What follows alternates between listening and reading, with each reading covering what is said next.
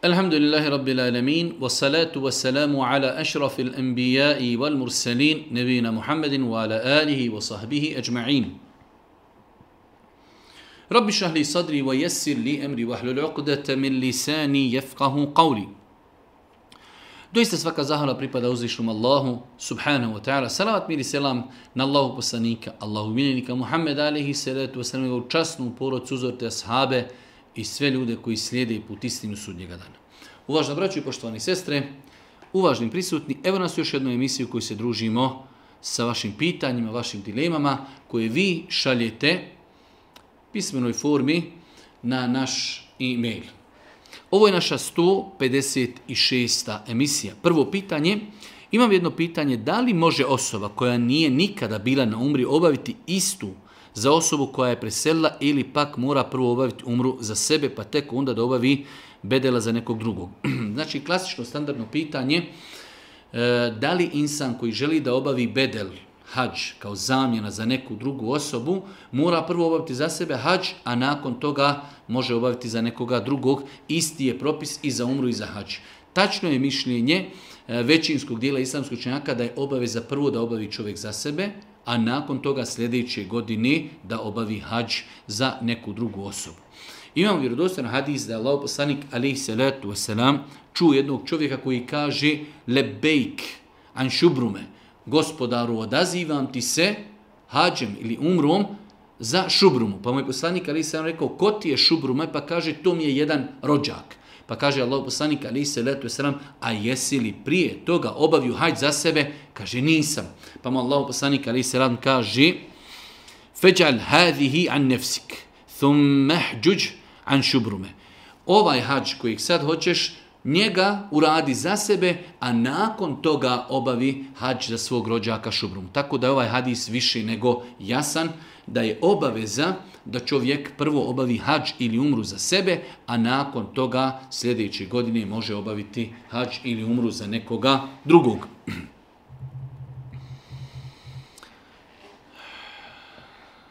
Da li možeš odgovoriti koji je vrijedniji post, post ponedjeljkom i četvrtkom ili post bijelih dana 13, 14 i 15 po hiđarskom kalendaru? Znači imamo dvije na file posta, jedna na fila je da čovjek posti neprestano ponedjeljak, četvrtak, ponedjeljak, četvrtak, ponedjeljak, četvrtak. Ako uzmemo da u jednom mjesecu imaju četiri sedmice, na taj način će čovjek postiti osam dana.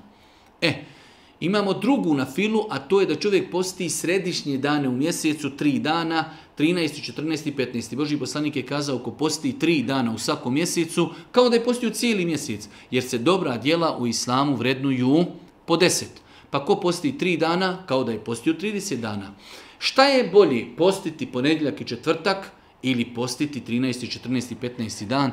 Oboje je hajr, ali definitivno da je veći hajr postiti ponedjeljak i četvrtak, tada ćemo u mjesecu dana postiti 8 dana, a kada postimo bijele dane, postimo samo 3 dana. Tako da i jedno i drugo je dobro, postiti ponedjeljak, četvrtak je dobro, postiti bijeli dane je dobro, ali šta je bolje, količinski više je, znači post ponedjeljkom i četvrtkom, ako postimo četiri sedmice, to je osam dana u mjesecu, tako da je to s aspekta količini bolji. Da li smije dijete prolaziti ispred klanjača? Prva stvar, strogo je zabranjeno prolaziti ispred klanjača između mjesta gdje on čini seždu između njega. To je strogo zabranjeno. Allah poslanik ali se nam strogo je zabranio prolazak ispred klanjača. To je prva stvar. Druga stvar, e, djeca u osnovi e, dok nisu punoljetna njima se ne pišu grijesi i na njih se i na njihove postupke gleda u jednu ruku drugačije. Treća stvar jeste da Boži poslanik kada bi klanjao, ako bi životinja pokušala da prođe, Boži poslanik bi je spriječio, ne bi dozvolio da prođe. E sada u svemu tome dolazimo do odgovora za djecu. Dijete ako bi prošlo ispred klanjača, inšala ono nije griješno jer ne zna, s jedne strane, ali je propisano i lijepo da čovjek pokuša dijete spriječiti ali ako dijete proleti, protrči ili propuza, čovjek se ne može sagijeti da ga spriječi, Allah, to ne utječe na ispravnost namaza, dijete nije griješno, ali je lijepo da pokušamo. Ima hadis u pogledu kojeg postoji razilažen, da li je vjerodostan ili ne, a da je Boži poslanik bio u sobi e, svoje supruge u Muselemi. Pa je jedan dječak u pogledu kojeg ravija ima sumnju, je to bio Abdullah ili je bio Amr, Pošao je da prođe iz poslanika, pa je ga poslanik zaustavio. Nakon toga djevojčica koja se zvala Zeyneb, pokušala da prođe ispred Božih poslanika, on je pokušao spriječiti, ali je ona protrčala i proletla, pa je Božji poslanik, ali se raz nakon namaza kazao, hun agleb, one su nas nadjačale, one su pobjedile. Tako da e, poslanik samim time što je pokušao da ispriječi, to ukazuje da je lijepo i pohvalno čovjek kada klanja čak i životinju, čak i dijete treba pokušati da spriječi da prođe ispred njega, ali ako bi dijete prošlo, namaz je inša Allah ispravan i samo dijete nije griješno. Četvrto pitanje, je li tačno da se propis rukovanja sa mlađim i starim ženama razlikuje? Da je sa mlađim ženama zabrano, sa starim dozvoljeno. Postoji, da kažemo, mišljenje ili rasprostranjeno nešto među ljudima da rukovati se sa starijim ženama nije problem za razliku od mlađih da je to zabranjeno. Tačno je da svi argumenti koji govori o rukovanju su općeg karaktera, tako da E, čovjek vjerni kao što se neće rukovati sa mlađim djevojkama koji su definitivno izazovniji ali isto tako neće se rukovati ni sa starijim ženama. Imamo hadise da je Boži poslanik Ali se sam kada su ga upitale ashabike prilikom davanja prisege, kaže Ela tu sahtihuna, zar se nećeš s nama poselamiti rukama? Pa je Boži poslanik kazao Inni le usafihun nisa ja se ne rukujem sa ženama. Poslanik jasno kaže ja se ne rukujem sa ženama. Imamo e, drugi argument koji je vjerodostojan, koji bilježi ima muslim, pa i Buharija sa jednom drugom verzijom, da Boži poslanik, ali se ratu se nam, navodi e, različite metode kako čovjek može pasti u grijeh i u zinalu, pa kaže Allah poslanik, ali se ratu se nam, wal zinaha al batš ruka čini blud dodirom onoga što nije dozvoljeno. Boži poslanik znači e, spominje da i ruka može učiniti blud, a blud ruke je da dirne i uradi ono što je zabranjeno. I treći hadis imamo da je Boži poslanik ali nam kazao da neko bude proboden u glavu, znači sa željeznim nekim predmetom, šilom ili iglom, kaže Boži poslanik ali se letu to mu je bolje nego da dotakne ženu, ruku žene koja mu nije halal. I ovaj hadis za njega kažu islamski učenjaci da je vjerodostojan ših Albani, rahmetullahi smatrao ga je vjerodostojnim, da je Boži poslanik ali nam kazao, znači da čovjek bude uboden u glavu sa željeznim prijedmetom, sa iglom, sa nekim šilom, bolje mu je nego da njegova ruka dotakne ruku žene koja mu nije dozvoljena pa imamo hadise da Boži poslanik kaže ja se ne rukujem sa ženama, imamo hadise vjerodostojne da, Boži poslanik kaže i zinalu ruke je kada ruka dira ono što je nije halal.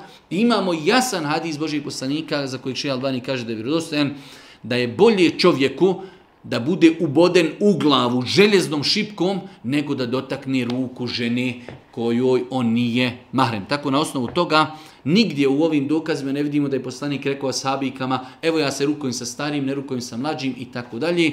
Tako da su svi ovi argumenti općeg karaktera ne pravi razliku između starih žena i mlađih žena. Peto pitanje, imam 54 godine u mom okruženju pojedine žene mi kažu da mogu mahramu čak skinuti jer sam u tim godinama i tako dalje i je to ispravno? E, imamo kuranski ajed, gdje Allah Đeršanu kaže وَالْقَوَاعِدُ مِنَ النِّسَاءَ اللَّاتِ لَا يَرْجُونَ نِكَاحًا فَلَيْسَ عَلَيْهِنَّ جُنَاهٌ أَنْ يَضَعْنَ ثِيَابَهُنْ غَيْرَ مُتَبَرِّجَاتٍ بِزِينَ A starim ženama koje više ne žude za udajom, nije grijeh da odloži ogrtače svoje, ali ne pokazujući ona mjesta na kojima se ukrasi nosi. A bolje im je da budu kreposne, Allah se čuje i zna. Ovaj e, ajet kuranski e, neki, neki ljudi pogrešno razumiju pa mislu da, da misli da žena u nekim već 50. godinama može da ne nosi mahramu koliko je žena koje se udaju u 50. godinama. Imamo žene koje rode dijete u 50. godinama i da mi onda takvim ženama kaže, e možeš ti da ne nosiš mahramu. To je neispravno tumačenje vjeri. Allah Žešanu ovdje kaže u ovom ajetu, a starim ženama koje više ne žude za udaju. Žena koja jednostavno ima 80 godina, nema više jednostavno nikakvih protjeva, ne razmišlja o udaji, takvoj ženi je nešto do šta je dozvoljeno, dozvoljeno, kažu islamski učenjaci, da skine ogrtač. Znači, poprisano je žena muslimanka da, da nosi košulju pa da nosi suknju i nakon toga da nosi džilbab. E te starije žene, već u period kad se više ne, ne misle udavat, njima je dozvoljeno da ne nosi ogrtače a ne da žena u 50. godinama može da skine, može da skine mahramu, žena u takvim godinama još ima kuveta, još ima snagi, možda se sutra uda, možda neke žene u 50. godinama i rode dijete i da im mi kažemo da mogu da otkriju ko su, to je neispravno tumačenje vjeri.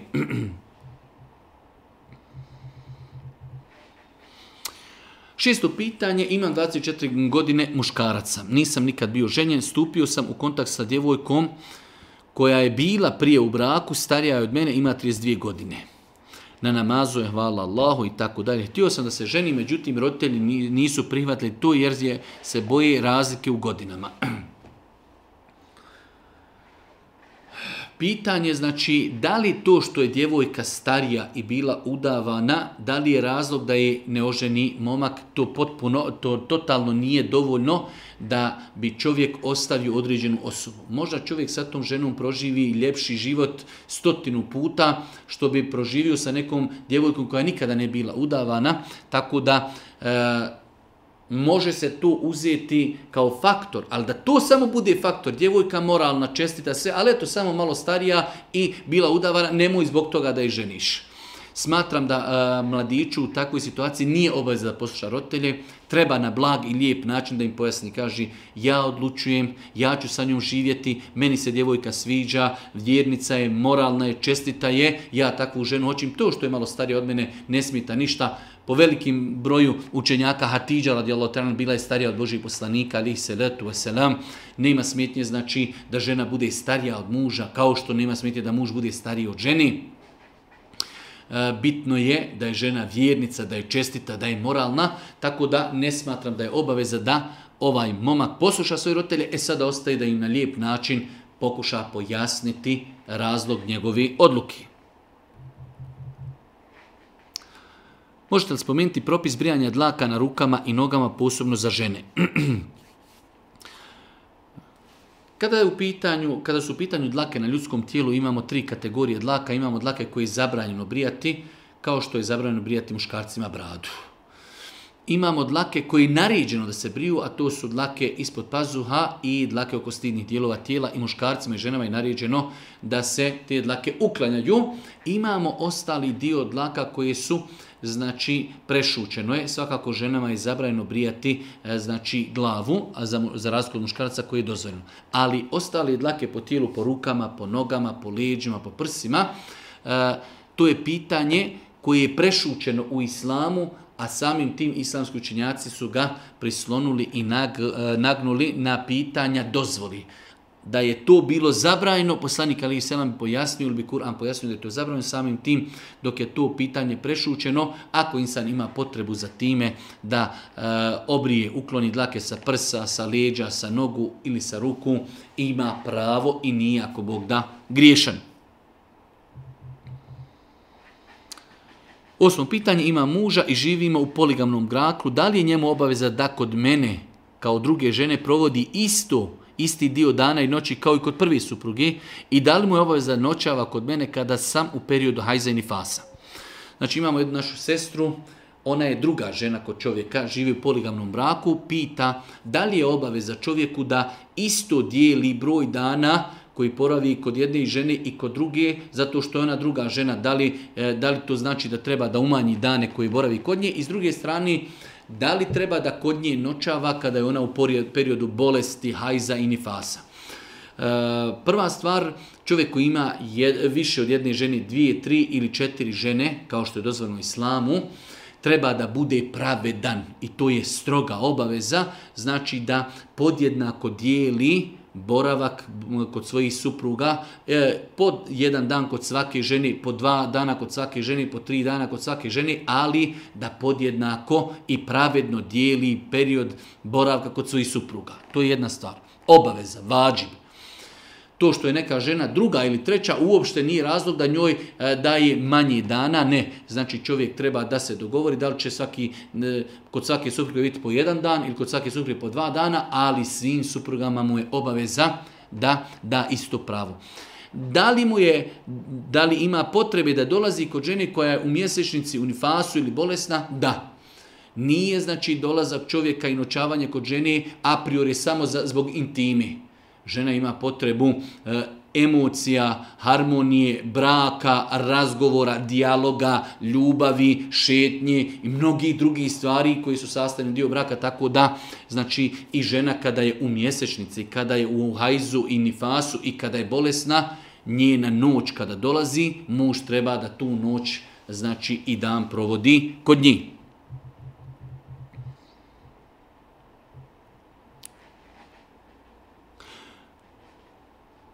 Možete li mi reći koje je najbolje i tačno vrijeme za noćni namaz i, uput, e, e, i uputu za noćni namaz? Voljela bi da naučim klanjati noćni namaz.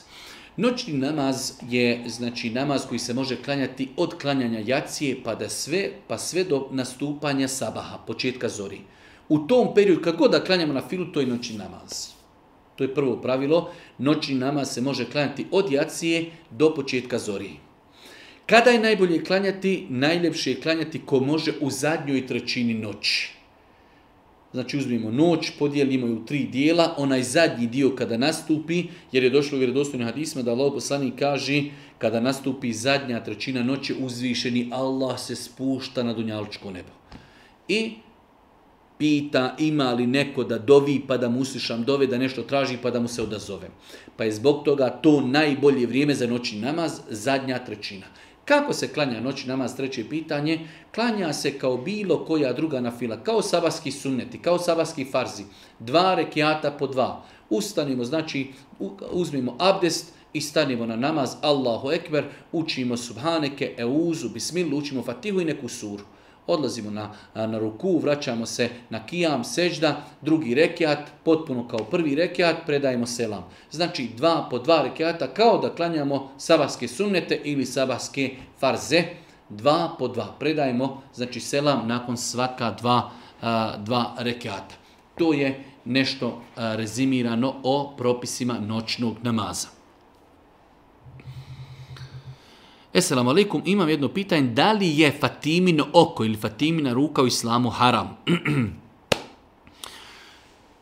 Allah najbolje zna, velika većina ljudi Fatimino oko i Fatiminu ruku nosi iz uvjerenja da to čuva od nečega, čuva od zavisti čuva od uroka, čuva od sihra i tako dalje. Tako da u tom kontekstu islam zabranjuje generalno kačenje bilo kakvih hamailija, talismana, zapisa, sve, znači nešto što čovjek na sebe kači s ciljem da ga čuva od nečega je zabranjeno islamu, samim time i kupovina. E, Fatiminog oka, Fatimine ruke, da čovjeka čuva od e, zavisti, od uroka, od sihra, totalno je zabranjeno u islamu.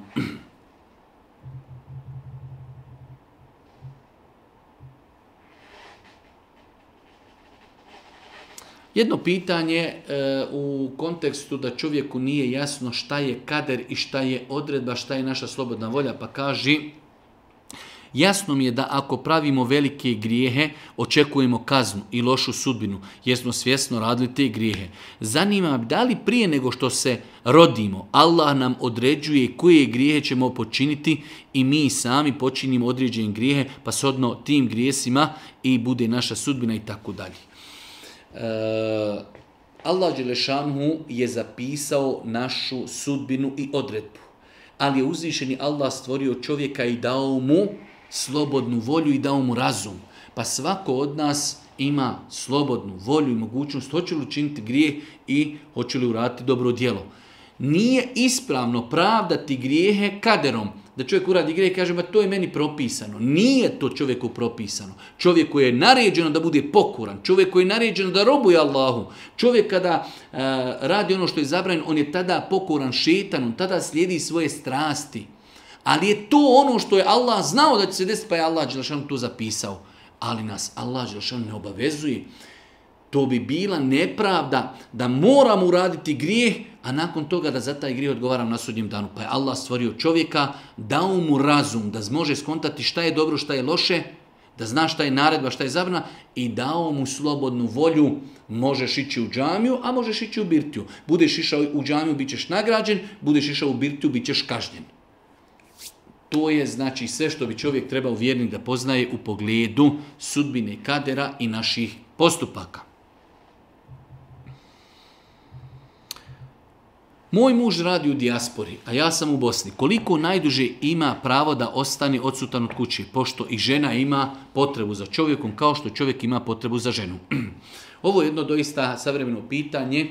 E, njegova potreba svakim danom je sve veća gdje imamo dosta muškaraca koji odlaze iz Bosne, a ostavljaju svoje porodice u Bosni.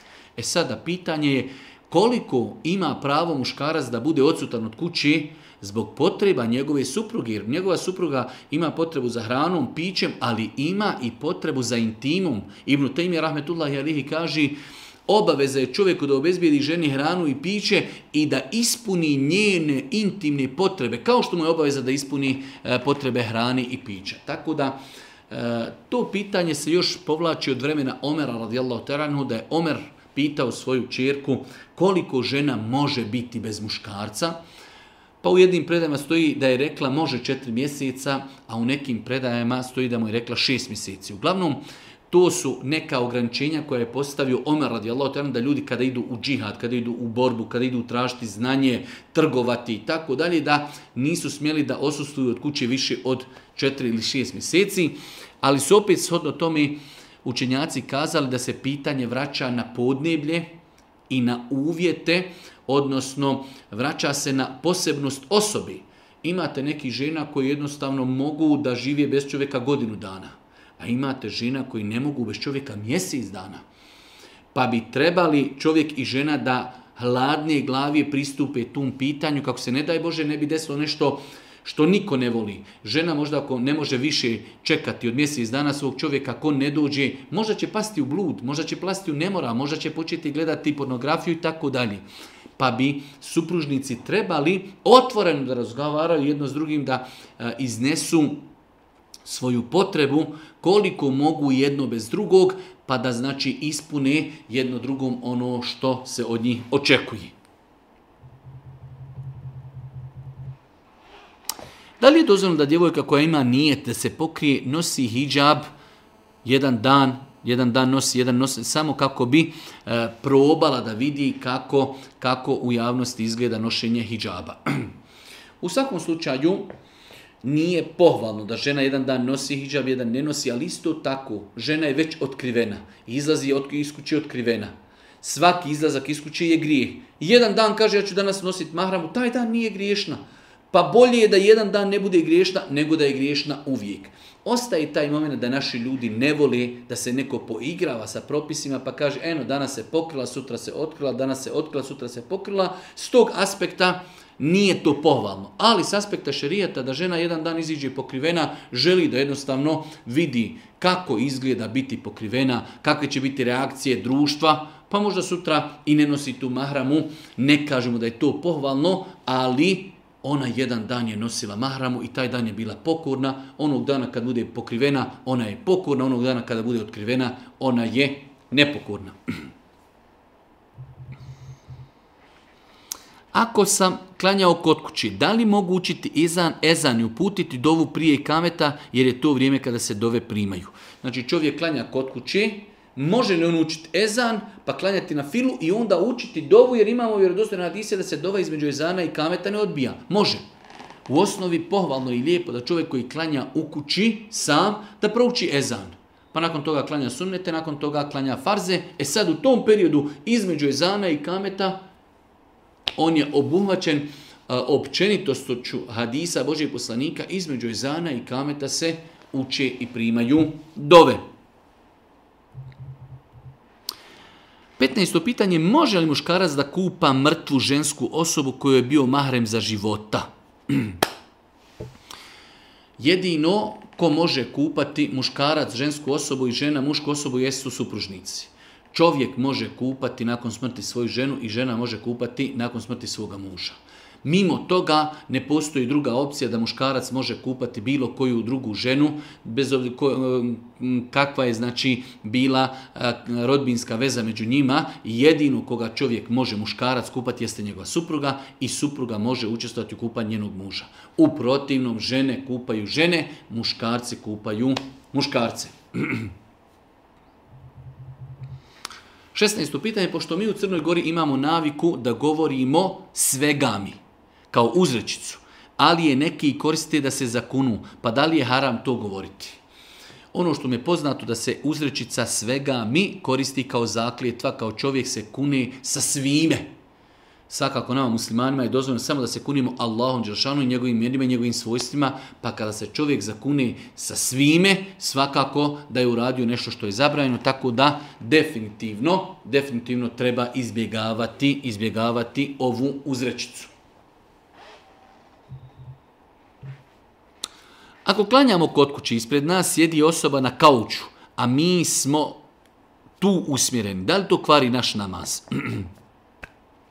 Islamski učenjaci su kazali kada je u pitanju obavljanja namaza prema osobi, da je dozvoljno klanjati prema osobi koja je nama okrenula leđa. Kao u slučaju kada čovjek dođe u džamiju pa ima ispred njega saf i mi klanjamo prema čovjeku, prema njegovim leđima, nije sporno to šerijatski a pokuđeno je klanjati prema čovjeku koji je okrenut nama, e, okrenut nama licem.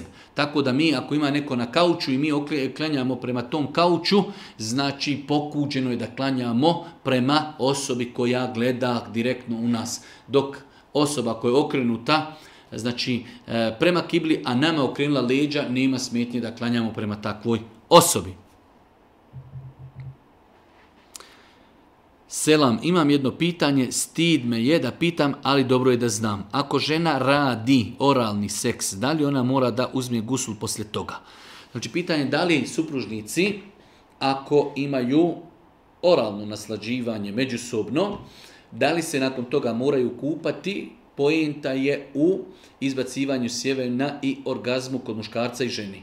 Ako nisu doživjeli izbacivanje sjemena ili orgazam, to što su imali oralno naslađivanje nije razlog zbog e, koji nas obavezuje na kupanje. Ako su tokom oralnog naslađivanja doživjeli ejakuliranje sjemena ili orgazam, onda im je obaveza da se kupaju. Znači, e, oralno naslađivanje samo po sebi ne obavezuje na gusul. Ali ako se tokom znači e, predigri, ako se tokom e, oralnog naslađivanja dogodi da neko od supružnika muškarac ili žena doživi ejakulaciju ili e, znači orgazam, onda im je obaveza da se kupaju onoj osobi koja je to doživjela.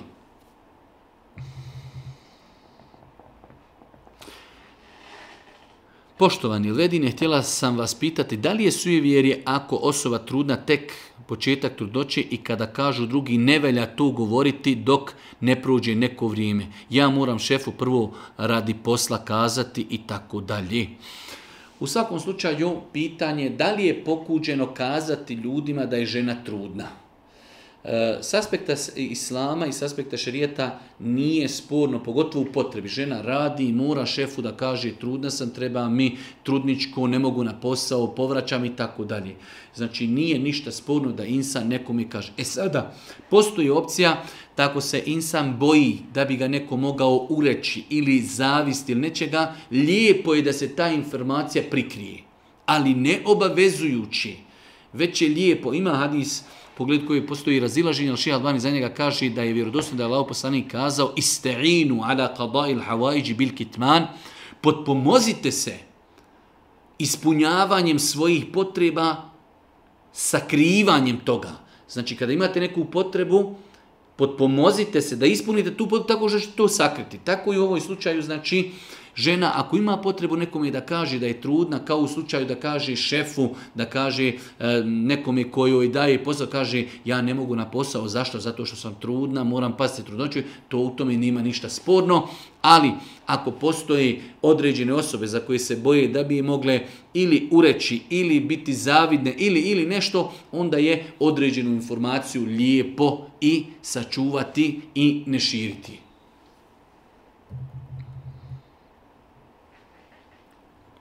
Eselam alaikum, je li dozvoljno spajati namaze? vozacam po Europi i stalno 300 km od kući minimalno prelazim. Da li ispravno dva rekiata podne i jaci kada spajam i tako dalje? Jedno onako pitanje, neporijedano, ali rekli smo više puta, ljudi koji putuju više od 80 km od mjesta gdje žive, oni se smatraju musafiri. I velika većina ljudi koji voze kamione, to su musafiri. Svi oni koji voze izvan svoga grada dalje od 80 km, oni su musafiri kao musafiri mogu kratiti namaze, kratiti. Podni dva i ikindija dva rekiata, jacija dva rekiata. Saba ostaje kakav je bio i jakšam ostaje kakav je bio. Ako imaju potrebu, pada kiša, ne mogu se zaustavljati, ne znaju gdje je kibla, e, teško je abdestiti. Ako imaju potrebu, teško im je klanjati svaki namaz u namaskom vremenu, mogu namazi spajati. Ali kako? Podne se spaja sa ikindijom, akšam sa jacijom. Ne može se pojiti ikindija sa akšamom podne se spaja sa ikindijom, akšam sa jacijom, znači musafir može skratiti namaze, podne dva, i ako ima potrebu, ikindiju dva. Tako da klanja dva rekiata, preda selam, ustaje, uči i kamet i klanja dva rekiata ikindije i onda opet vozi do akšama, kada nastupi akšam, klanja tri rekiata akšama, preda selam, ustane i klanja dva rekiata, klanja dva rekiata jacije i time je obavio svoje namaze. Je li tačno da će žene biti većinski dio stanovnika vatre džehennema? da, tačno je. Sodno hadisu Božih poslanika, ali i salatu sram da je kazao Boži poslanik o skupino žena, udjeljujte sadaku. Mnogo udjeljujte sadaku i mnogo činite istigfar. Boži poslanik se obraća ženama i kaže o skupino žena, udjeljujte sadaku zbog vrijednosti sadake i mnogo istigfar činite kaže ja sam vas vidio da ste vi najveći dio džehennemlija. Znači najveći dio ljudi u džehennemu će biti žene. Pa je jedna žena pronicljiva i pameta rekla, a šta je to, Boži poslaniče, zbog čega će žene biti najveći dio stanovnika džehennema? Pa Boži poslanik kazao, tukfirne la'ne, wa tekfurne la'ašir, one mnogo proklinju i nezahvalne su na dobročinstvu kojim čine njihovi muževi. Znači to su dva svojstva zbog kojih je poslanik rekao da će zbog toga žene biti najviše u vatri zato što mnogo proklinju i ne cijene dobročinstvo koji im radi njihovi muževi. Tako da je ovaj hadis, bilježi ima muslim, hadis vjerodostojan, Znači, Boži poslanik je pojasnio da će najviše žena biti u vatri, ali to nikako ne znači da žena ne može da se spasi, žena vjernica, pokrivena, uči Kur'an, pokorna svome mužu, radi ono što je od nje, e, znači, e, što joj je Islam naredio, svakako da e, znači može zaraditi i zaslužiti Allahu svana oprost i Allahu svana taala milost i ulazak u džennet. 22. pitanje s obzirom da psovanje Allaha neuzubillah, jedan je od najtežih grijehova, da li je osim teubi pokajanja potrebno okupati se? Znači, pitanje je da insan koji opsuje Boga, samim tim automatski izlazi iz vjeri, da li prilikom povratka u vjeru treba i da se okupa? Kažu islamski učenjaci da insan koji se vraća u vjeru, nakon što je bio murted, nakon što je bio otpadnik, ako se i ne bi okupao njegov povratak u islam je ispravan. Ako bi rekao la ilaha illa Muhammed Resulullah, ušao ponovo u islam, makar se ne okupao njegov povratak je ispravan. Ali da li mu je obaveza se okupa, moj savjet je definitivno da i ljudi koji konvertiraju iz neke druge vjere u islam ili muslimani koji su otpali od vjeri kao otpadnici, murtedi pa se vraćaju u islam, bolje je da se okupaju. Nećemo kazati da je stroga obaveza, ali imaju hadisu u kojima stoji da je Boži poslanik određenim ashabima kada bi primali islam naredio da se okupaju, tako da Hvala Bogu danas imamo toliko mogućnosti, toaleti na svakom koraku, kupatila, voda, tuševi, nije ništa komplikovan, teško da se insan prilikom primanja islama okupa.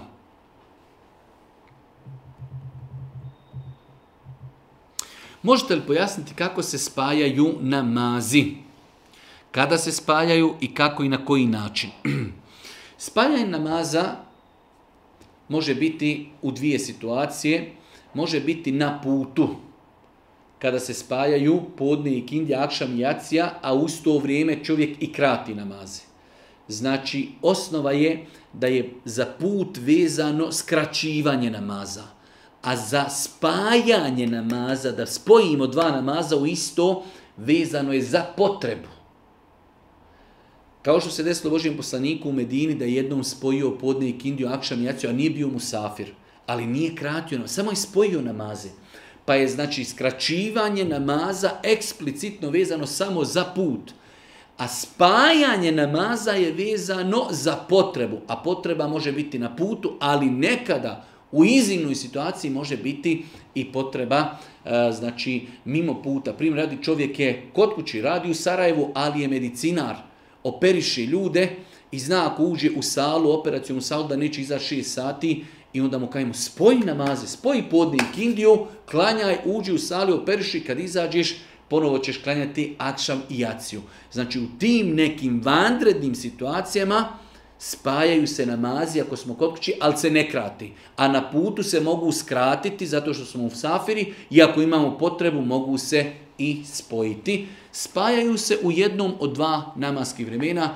Velik gručenjaka je smatrao da je bolje spojiti namaze u drugom namasku. Ono što znači u drugom, ako spajamo podne i kindiju, onda spajamo u kindijsko vrijeme. Ako spajamo akšam jaciju, spajamo u jacijskom vremenu.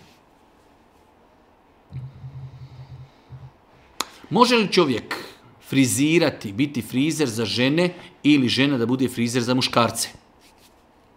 Osnova kao ako bi čovjek frizer bio za, za javnost, ne može muškarac frizirati žene zato što je to dodirivanje žena, otkrivanje avrijeta, niti žena može frizirati muškarce. Osim kada bi čovjek frizirao svoju majku, svoju sestru, svoju čerku, svoju suprugu, znači žene kojima je on mahrem. U toj situaciji to dozvoljeno i ženi je dozvoljeno da šiša muškarce kojima je ona mahrem. Ali ako će to biti salon gdje će dolaziti znači e, javno osobe, onda žena može samo frizirati žene, a muškarac može frizirati muškarce. Nije dozvoljeno da žena frizira muškarce, niti da muškarac frizira žene, osim izuzetka da čovjek frizira žene kojima je on mahrem ili da žena frizira muškarce koji su njoj mahremi.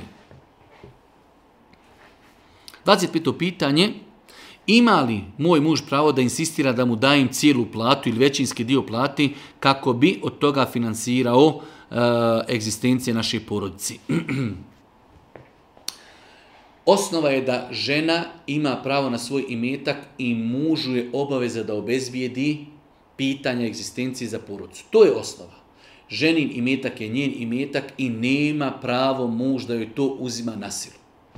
E sad ako se oni dogovori, pa čovjek kaže, u redu, ti umjesto da sjediš kod kući, da odgajaš djecu, dozvolit ću ti da ideš da radiš, ali dio tvoje plati ćemo uzeti da bi financirali određene dijelove, pogotovo svi znamo danas u Americi, u, u, u Europi, ako ne radi čovjek i žena, doista je teško da normalno funkcionišu. Pa ako se čovjek i žena dogovori, onda žena treba da ispoštuje ono što su se dogovorili. Ali ako nema nikakvog dogovora, ženina plata je njena plata, čovjekova plata njegova plata, mužu je obaveza da obezbijedi stan, hranu i osnove egzistencije.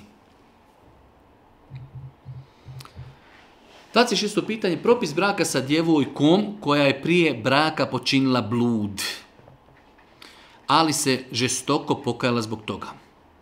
Osnova je, kako kaže Kur'an, da osnova, to je osnova da bludnicu treba da ženi samo bludnici eh, i da bludnik ženi samo bludnice. Allah Žešanu kaže u Kur'anu Ezani la jenkihu illa zanije. Evo mušrike. zanijetu la jenkihuha illa zaninu mušrik. hurrim je velike mu'minin. Bludnik ne treba ženiti osim bludnicu ili boškinju. A bludnica ne treba biti poželjno osim bludniku ili mnogobošcu. To je zabranjeno mu'minima vjernicima. Pa je čovjeku zabranjeno da oženi djevojku koja bludniči i, i dalje to radi. Ili da se djevojka uda za momka koji bludniči i dalje to radi.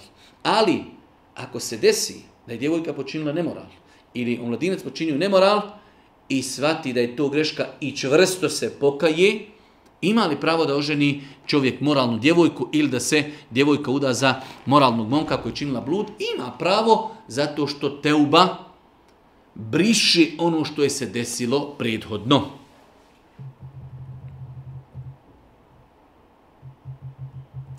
Treba da se udam. Na dan vjenčanja pada mi da budem u hajzu. Da li je validan brak sklopljen u hajzu i mogli tako ući u džamiju? Znači dva pitanja u jednom pitanju.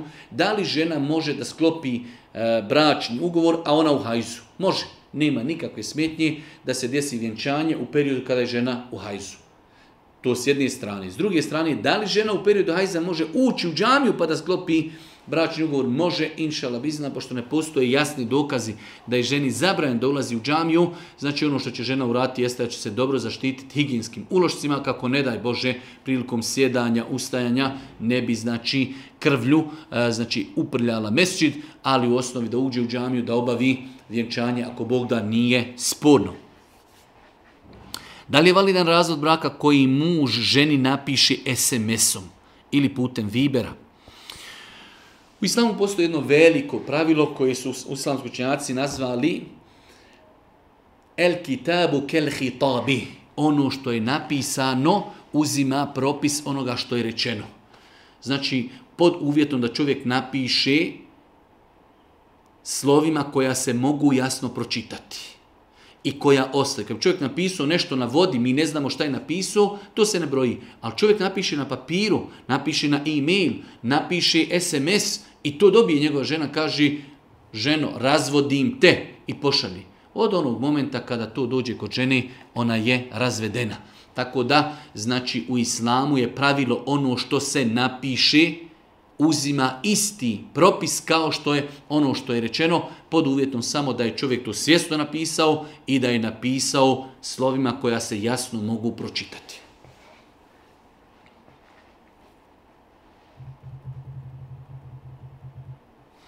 Jutro sam primijetila da sam čista od mjesečnog ciklusa.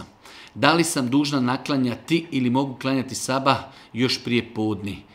Znači, e, Naša sestra je vidjela znake čistoći nakon što je sunce izašlo. Znači, prošao je sabah, evo primjer radi da je sabah do 6 sati. Ona je u 7 sati zajtra vidjela da je čista od hajza. Da li mora klanjati saba, Apsolutno ne. Zašto? Zato što se ona očistila nakon sabaha. Da je ona vidjela znake čistoći u sabahskom vremenu, pa otišla da se okupa, to je nešto drugo.